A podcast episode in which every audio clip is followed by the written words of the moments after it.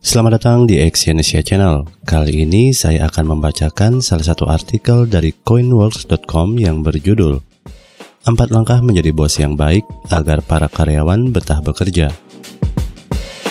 Hal yang perlu Anda ketahui adalah para karyawan akan merasa lebih termotivasi saat mereka bekerja di lingkungan yang sehat, di mana setiap orang di dalamnya diperlakukan secara adil dan tidak memandang jenis kelamin, ras, serta agama.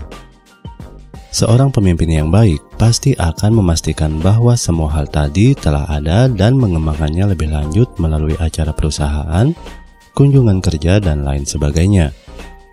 Saat Anda mampu melakukannya dengan cara yang benar, maka hal ini akan sangat membantu untuk menciptakan anggota tim yang memiliki kinerja yang tinggi.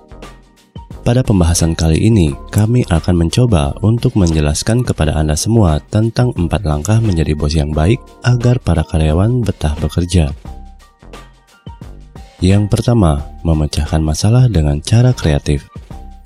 Jangan menjadi pemimpin yang terlalu kaku. Anda bisa mendorong para karyawan untuk lebih kreatif dan menggunakan berbagai metode yang akan membantu pekerjaan dan keberhasilan mereka. Setiap individu memiliki pendekatan yang berbeda-beda dalam memecahkan masalah. Oleh karena itu, setiap karyawan diharapkan mampu mencapai tujuan dengan kecepatan yang wajar. Artinya, sebagai seorang pemimpin, Anda harus memberikan tugas kepada karyawan dengan tugas yang paling baik untuk dilakukan dan mereka mampu bekerja dengan kekuatan yang dimiliki. Yang kedua, paham dengan perbedaan setiap orang. Mempertahankan produktivitas di lingkungan kerja sering kali memiliki hambatan saat ada beberapa orang dengan berbagai budaya dan etnis bekerja sama sebagai sebuah tim.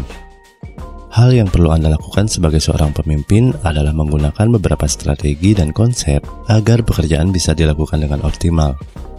Caranya adalah dengan meningkatkan keterampilan dan bakat yang dimiliki karyawan.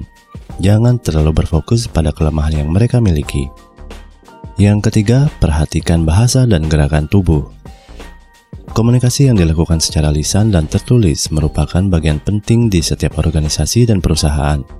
Hanya saja, ada beberapa bagian komunikasi yang tidak diperhatikan sepenuhnya oleh para pemimpin, yaitu komunikasi nonverbal. Komunikasi nonverbal atau bahasa tubuh adalah cara yang efektif untuk menjelaskan suasana hati seseorang. Apakah seseorang merasa nyaman dan menjelaskannya dengan baik apa yang dipikirkan oleh orang lain? Jangan sampai Anda menggunakan bahasa tubuh yang negatif saat sedang berhadapan dengan anggota tim. Ketahuilah bahwa mereka akan lebih cenderung percaya dengan gerakan tubuh Anda daripada apa yang keluar dari mulut Anda.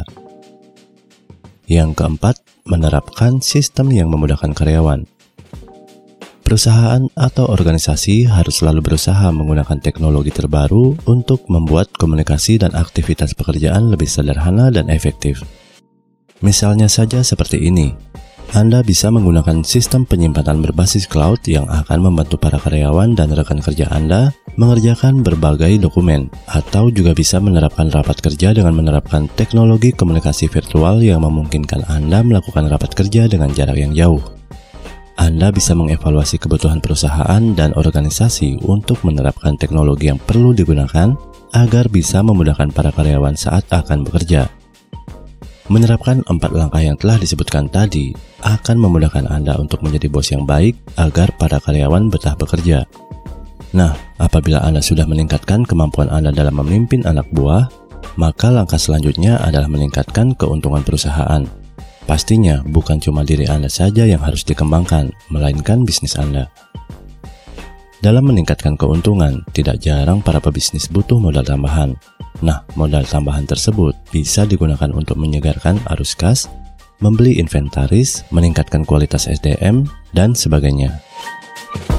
Terima kasih telah mendengarkan audio artikel ini dan silakan cek link di bawah untuk membaca artikel yang saya bacakan ini di coinworks.com.